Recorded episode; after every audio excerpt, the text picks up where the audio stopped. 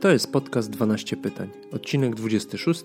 Narzędzia wspierające turkusową transformację.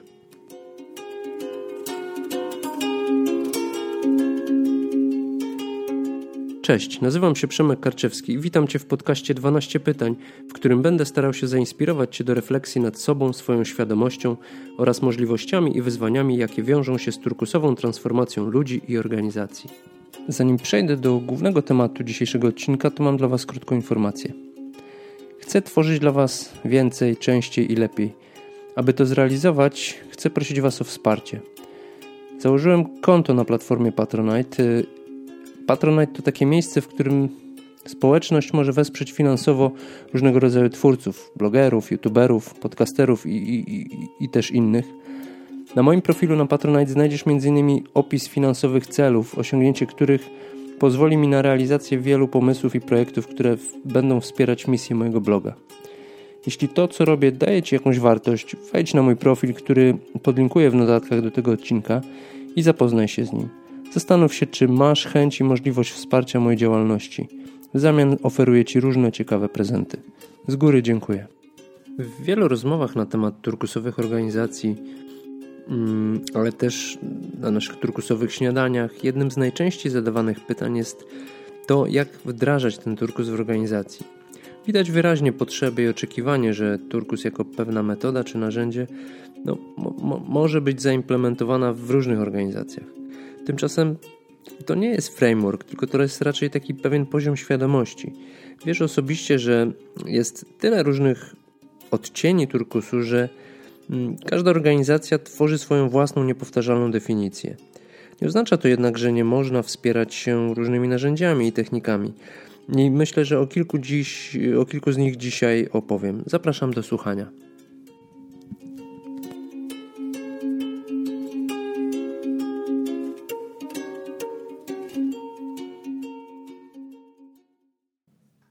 Jak mawia Jacek Santorski, Wizja bez implementacji to tylko halucynacja. I wizja turkusowej organizacji także pozostanie tylko w sferze teorii, dopóki nie zaczniemy wcielać jej w życie. Ale jak to zrobić? Jak przekuć turkusowe idee w rzeczywiste działania? Nie wydaje mi się, żeby był tutaj jakikolwiek złoty środek. Myślę, że każdy może zrobić to zupełnie inaczej. Możemy jednak wykorzystać istniejące narzędzia czy techniki, aby wesprzeć implementację turkusowej transformacji. I w dzisiejszym odcinku postaram się zaprezentować Wam 13 narzędzi, dzięki którym realizacja turkusowej wizji może okazać się trochę łatwiejsza.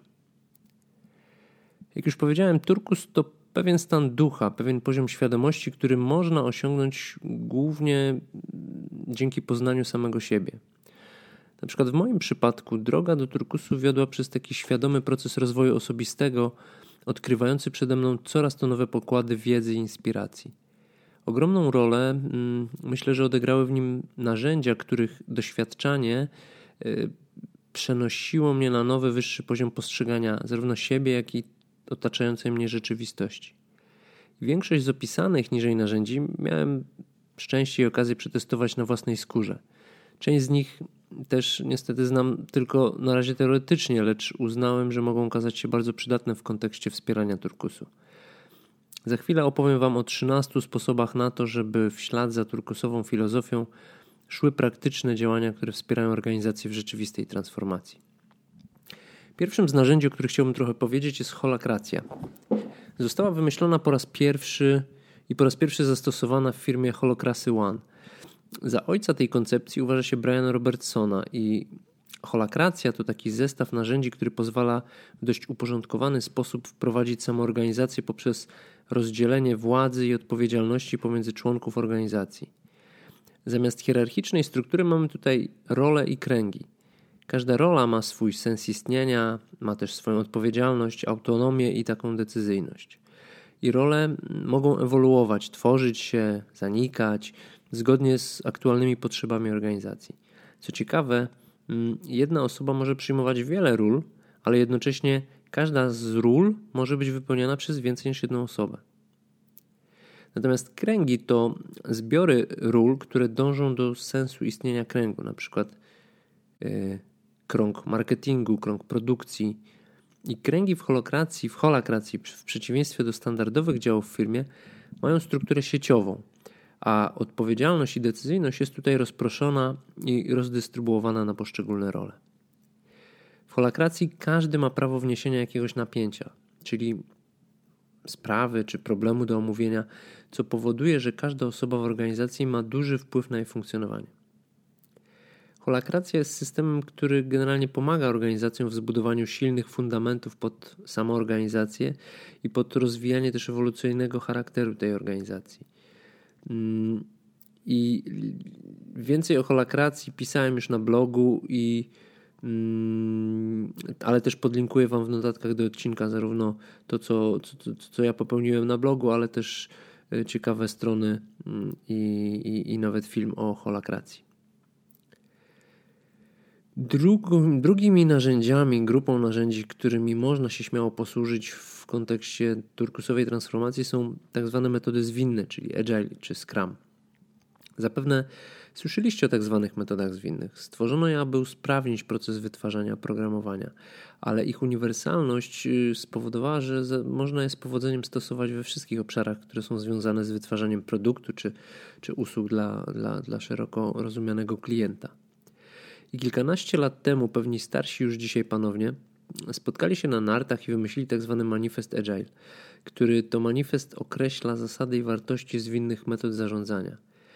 Jednym z ważniejszych fragmentów yy, tego manifestu jest, yy, chciałbym go zacytować, a brzmi on tak. Odkrywamy nowe metody programowania dzięki praktyce w programowaniu i wspieraniu w nim innych.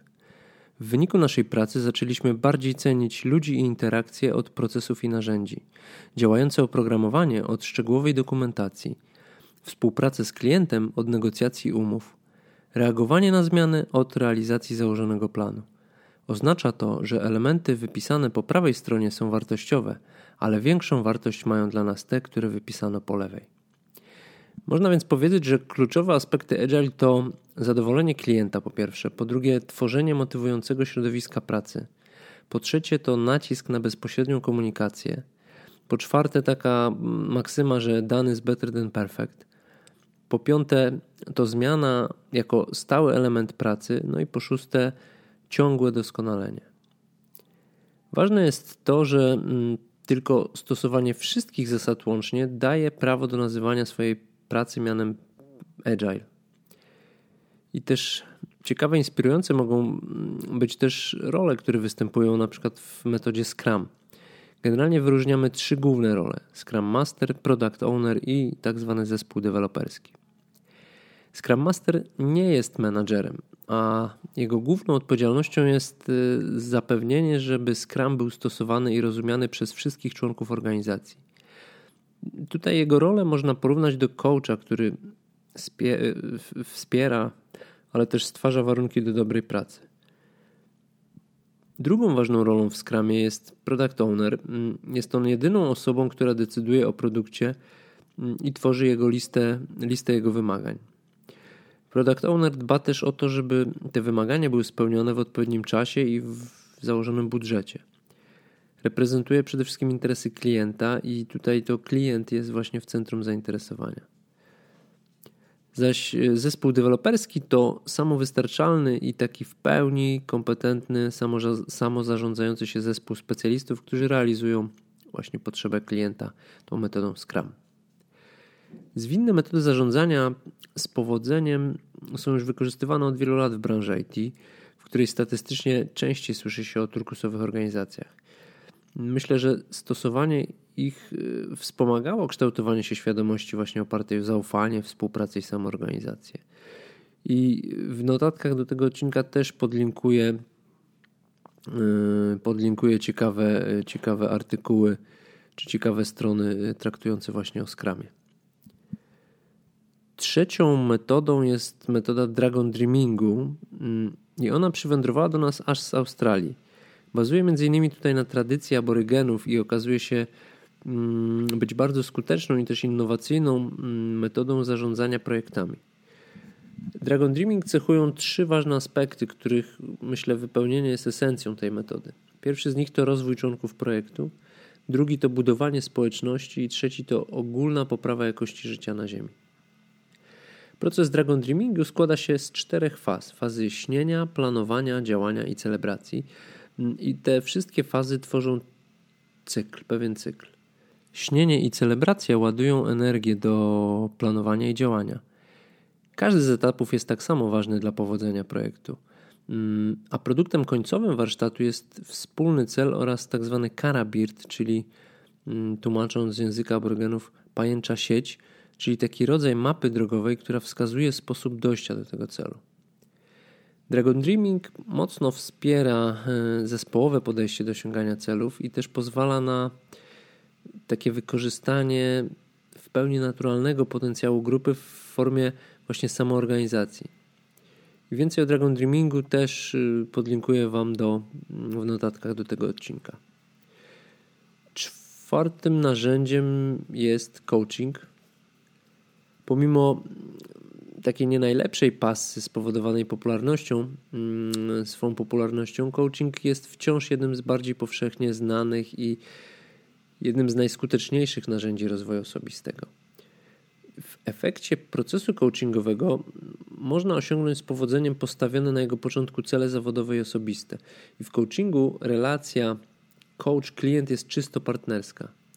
Wyróżnić można bardzo wiele rodzajów różnego, różnego rodzaju coachingów. Mm, jest to na przykład business coaching, life coaching, team coaching, coaching sportowy i wiele, wiele innych. Natomiast ważne jest, żeby powiedzieć o tym, co daje coaching. Przede wszystkim zwiększa wydajność. Y, poza tym myślę, że zwiększa też motywację i przeciwdziała wypaleniu zawodowemu. Mm, po trzecie, rozwija umiejętności. Po czwarte, poszerza perspektywę na pewno. Po piąte, mm, pomaga w rozwiązywaniu problemów i znajdywaniu rozwiązań różnego rodzaju, y, różnego rodzaju sytuacji. Przepraszam, to mój nowy pies chrumka podczas jedzenia. I po szóste, zwiększa świadomość własnego potencjału i pozwala lepiej, bardziej efektywnie go wykorzystać. Kolejną metodą jest metoda action learningu. Jest to taka forma coachingu grupowego polegającego na uczeniu się od siebie nawzajem, właśnie poprzez realne działanie, realnie działające kilkuosobowe grupy. I ta metoda bazuje na szczerości, na otwartości, na zaufaniu e, i pomaga w rozwiązywaniu problemów poszczególnych członków. Podczas takiej sesji action learningowej każdy z uczestników ma możliwość przedstawienia swojego celu czy problemu, e, a pozostali zadając pytania lub dzieląc się swoimi doświadczeniami i radami, po prostu go wspierają. Dzięki temu na każdej sesji uczestnicy uczą się od siebie nawzajem i też mają okazję poznać kilka różnych case studies wraz z propozycjami konkretnych rozwiązań. I jeśli masz chęć dowiedzieć się czegoś więcej o action learningu lub też skorzystać z tej metody, no to też podlinkuję w notatkach do odcinka e, ciekawe strony na ten temat. Kolejną metodą jest metoda mm, NVC, zwana mm, Nonviolent Communication metoda. Jest to metoda, która jakby jest odpowiedzią na jeden z największych problemów organizacyjnych mm, naszych czasów, którym według mnie jest niedostateczna komunikacja lub wręcz brak tej komunikacji. Nie ma co ukrywać, no nie potrafimy precyzyjnie, bez zbędnych emocji i tak zupełnie obiektywnie komunikować naszych potrzeb czy oczekiwań, przez co właśnie nie mamy możliwości ich pełnego zaspokojenia. To zaś prowadzi do frustracji, wielu nieporozumień i też konfliktów. I właśnie naprzeciw tym problemom wychodzi metoda zwana porozumienie bez przemocy, która została opracowana przez marszala Rosenberga. I w takim dużym, dużym skrócie metoda opiera się na nawiązaniu kontaktu z zachowaniem szacunku, z zachowaniem zrozumienia, dzięki czemu możemy zaspokoić potrzeby rozmówców bez niepotrzebnych napięć i konfliktów. Pierwszym krokiem mm, jest tutaj umiejętność rozpoznawania własnych potrzeb, które najczęściej wyrażane są właśnie poprzez emocje i uczucia. To pozwoli nam w jasny sposób wyrazić ten komunikat naszemu rozmówcy. Drugim krokiem jest zrozumienie potrzeb i uczuć drugiej osoby bez osądzania i bez krytykowania. Trzeci krok to wzajemny szacunek i akceptacja, że potrzeby wszystkich ludzi są tak samo ważne. A stąd to już bardzo blisko do stworzenia strategii komunikacji, która polega na dialogu, polega na porozumieniu i na, i na takiej zasadzie win-win.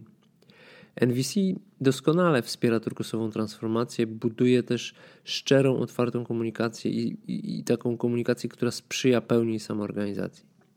Oczywiście w notatkach do odcinka również podlinkuję ciekawą, interesującą stronę na temat NVC. Kolejnym narzędziem są różnego rodzaju testy osobowości. I tutaj do tej kategorii zakwalifikowałem wszystkie narzędzia, które są pomocne w identyfikacji typów osobowości, zachowań czy pełnionych ról zespołowych, ale też motywatorów. Niewątpliwą zaletą tych wszystkich testów jest fakt, że pozwalają na odkryć, ale też nazwać i poznać oraz przede wszystkim rozwinąć nasze predyspozycje, nasze cechy charakteru czy kompetencje. Dzięki temu stajemy się bardziej świadomi zarówno własnego potencjału, jak i własnych ograniczeń.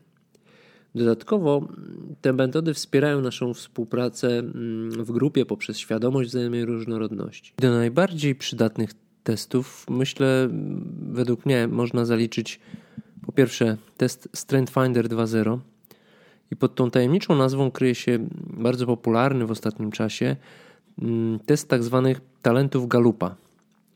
Instytut Galupa na podstawie wieloletnich badań wyodrębnił 34 wzorce zachowań ludzi i nazwał je właśnie talentami. I w tym kontekście definicja talentu brzmi, że jest to naturalny i powtarzalny sposób myślenia, zachowania i odczuwania, który może być produktywnie wykorzystywany. I każdy z nas ma kilka lub kilkanaście nawet tak zwanych dominujących talentów, które mają okazję przejawiać się niemalże na co dzień. I talent nie mówi o tym, co my możemy robić, tylko, może, tylko mówi nam o tym, w jaki sposób możemy coś wykonywać. I talenty same w sobie jeszcze nie są, mm, nie stają się mocnymi stronami. Aby się nimi stały, muszą zostać przez nas poznane i też być stale rozwijane. I wtedy dopiero możemy używać ich świadomie do bardziej efektywnego i też takiego zgodnego z naszymi preferencjami działania. Dzięki znajomości talentów e, możemy kształtować też współpracę w zespole w oparciu o nasze mocne strony. I świadome korzystanie z talentów mm, wszystkich jakby członków zespołu no pomaga, znacznie pomaga realizować cele tego zespołu w możliwie właśnie najbardziej efektywny sposób. Mm, o talentach zresztą też już pisałem mm, i mówiłem w, w podcaście, także podlinkuję e, w notatkach do odcinka te wpisy. Natomiast jeśli jesteś zainteresowany pogłębieniem tematu, no to też polecę Ci w notatkach dwie ciekawe strony polskich certyfikowanych trenerów mm, Instytutu Galupa, Marty Bary i Dominika Juszczyka. Kolejnym narzędziem jest y, RISE Motivation Profile i to jest badanie psychometryczne, które oczywiście oparte na naukowych podstawach i one pozwala nam poznać nasz profil motywacyjny. Pokazuje właśnie nasze wewnętrzne motywatory oraz też stopień ich, można powiedzieć, natężenia, czyli pokazuje zarówno co, jak i w jakim stopniu jest dla nas ważne. Ten profil wyróżnia 16 głównych motywatorów, takich jak na przykład niezależność, władza czy, czy, czy honor, rodzina, spokój, gromadzenie różnego rodzaju rzeczy, e, ale też właśnie wskazuje ich natężenie na pewnej skali. I wykorzystanie mm, tego narzędzia, czyli RISE'a, to, ja to tak w skrócie nazywam RISE, mm, w naszym zespole pomogło nam zrozumieć przyczyny naszych zakowań i naszych też wyborów, których, których dokonywaliśmy. Mm, I na pewno bardzo nam się przydało, stanowiąc taką cenną wskazówkę przy, przy właśnie pracy zespołowej i przy wyborze zadań.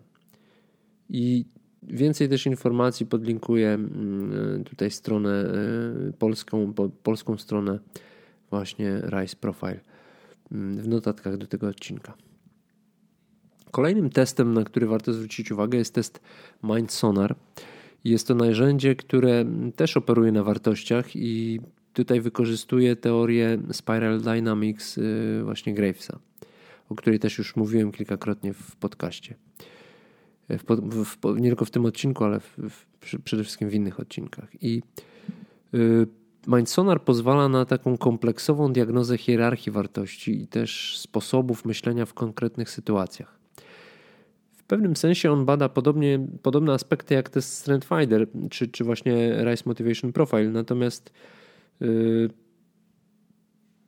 to, co charakteryzuje podejście Mindsonar, to jest rozpatrywanie zachowania człowieka w konkretnym kontekście, zgodnie właśnie z założeniami, że reaguje on inaczej w różnych sytuacjach czy w różnych środowiskach. I Mindsonar ma szereg zastosowań w wielu obszarach, takich jak coaching czy rozwój kompetencji, mm, ale też doradztwo w zarządzaniu czy rekrutacja. I podlinkuję Ci w notatkach do odcinka oczywiście e, też ciekawą stronę na ten temat. Kolejnym testem takim psychometrycznym i narzędziem poznawczym z, z kategorii właśnie wartości, postaw, e, zachowań jest e, całkowicie polski model FREEZE. Podstawą tej metody jest postrzeganie człowieka właśnie w czterech perspektywach poznawczych: perspektywy faktów, perspektywy relacji, perspektywy idei i perspektywy struktury. Podejście to bazuje na założeniu, że w nowych, nieznanych sytuacjach człowiek generalnie postępuje w najbardziej typowy dla siebie sposób. Ocena zachowań w tych perspektywach pozwala też właśnie na ocenę stylu myślenia i stylu działania i wyodrębnia się wówczas dominująca perspektywa poznawcza, która jest uzupełniana następnie pozostałymi, które też oczywiście mogą ewoluować w czasie. I badanie wyodrębnia cztery style myślenia. Tutaj one są nazwane jako styl zawodnika, styl partnera, styl wizjonera i styl badacza, wraz z wszystkimi ich wadami i zaletami. I style te w połączeniu z perspektywami, które są wynikiem doświadczeń naszych i naszych nawyków, tworzą taki charakterystyczny, indywidualny styl działania. I tutaj też w notatkach do odcinka podlinkuję Wam stronę mm, Freeze. Kolejnym testem jest test MBTI, zwany także testem 16 osobowości, 16 Personalities. Jest y, jednym z najbardziej popularnych narzędzi badania typów osobowości, które są, który to, to test jest wykorzystywany przez wiele, wiele znanych firm na świecie. I ten test analizuje preferowany przez nas typ w kontekście czterech obszarów. W obszarze ekstrawersji kontra introwersji, w obszarze poznania versus intuicji, w obszarze myślenia kontra odczuwania i w obszarze osądzania e, właśnie versus obserwacji. I na podstawie otrzymanych wyników możemy z dużą trafnością określić dominujący typ naszej osobowości, który też jest wynikiem kombinacji właśnie 16 różnych możliwości, stąd właśnie jest ta nazwa. E, link do strony oczywiście znajdziesz w notatkach do odcinka. Mm. No na pewno w, w tym e, podcaście, moim podcaście warto wspomnieć o teście Q12, mm, który zresztą dał nazwę temu mm, podcastowi, temu blogowi całemu mojemu projektowi. E, to jest ankieta, która powstała w efekcie prawie 30-letnich badań mm, przeprowadzonych przez Instytut Galupa. E, to jest właśnie ten Instytut od Talentów, o których mówiłem wcześniej. I te badania dotyczyły poszukiwania czynników trwałego sukcesu firm. Tym czasie przebadano ponad milion zespołów i wyniki tych badań pozwoliły na zidentyfikowanie przyczyn większego zaangażowania i większej satysfakcji z pracy. Następnie zdefiniowano 12 pytań, w których mm, twierdzące odpowiedzi udzielane przez pracowników korelowały z osiągnięciem, osiąganiem trwałego sukcesu. I test Q12 jest doskonałym narzędziem diagnostycznym, które weryfikuje miejsce organizacji w procesie budowania zaangażowanego i zmotywowanego zespołu. Praca nad obszarami wskazanymi w tych, w tych pytaniach z pewnością pomoże organizacji w turkusowej transformacji.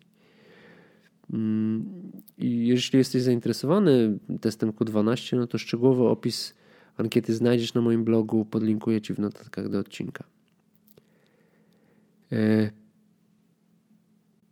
I na koniec zaproponuję taki autorski pomysł mojej koleżanki, zastosowany przez nas w kontekście budowania wizji naszego miejsca pracy. Nazwaliśmy go fabryką marzeń. Mm, zastanawialiśmy się w naszym zespole, jak chcielibyśmy, aby wyglądał nasz zakład, nasze miejsce pracy. Na dwóch pierwszych warsztatach, stosując m.in. metodę burzy mózgów, spisaliśmy wszystkie nasze pomysły i też wstępnie podzieliliśmy je na główne kategorie. Natomiast na następnych, kolejnych spotkaniach doprecyzowaliśmy te pomysły, przypisując im kategorie, yy, na przykład trudności, yy, samodzielności w działaniu, ale też horyzontu czasowego yy, i zgłaszaliśmy swój akces do ich realizacji.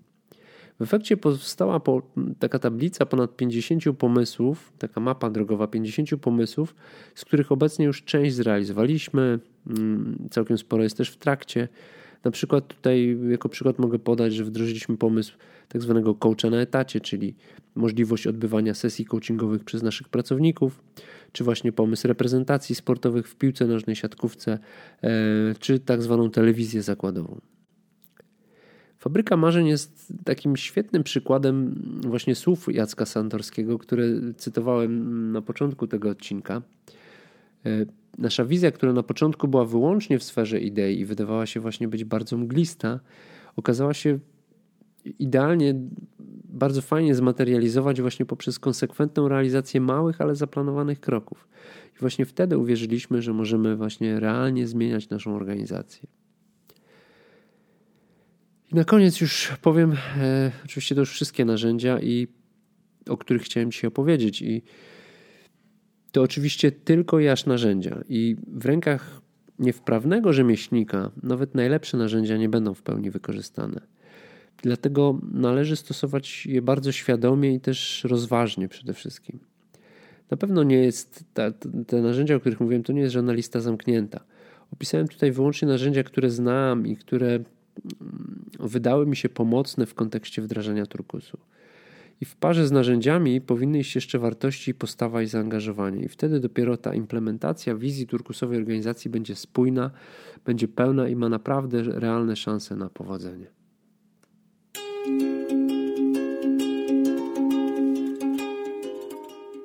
Dziękuję za wysłuchanie tego odcinka. Jeśli Cię zainteresował, zapraszam do subskrybowania podcastu. Jeśli słuchasz go przez iTunes, to oceń go proszę lub skomentuj, wtedy będzie wyżej pozycjonował się i ma szansę dotrzeć do większej ilości słuchaczy. Zapraszam do odwiedzenia mojego bloga 12pytań.pl oraz na Facebooka na mój fanpage o tej samej nazwie lub grupę Wszyscy Jesteśmy Turkusowi. Do usłyszenia za tydzień.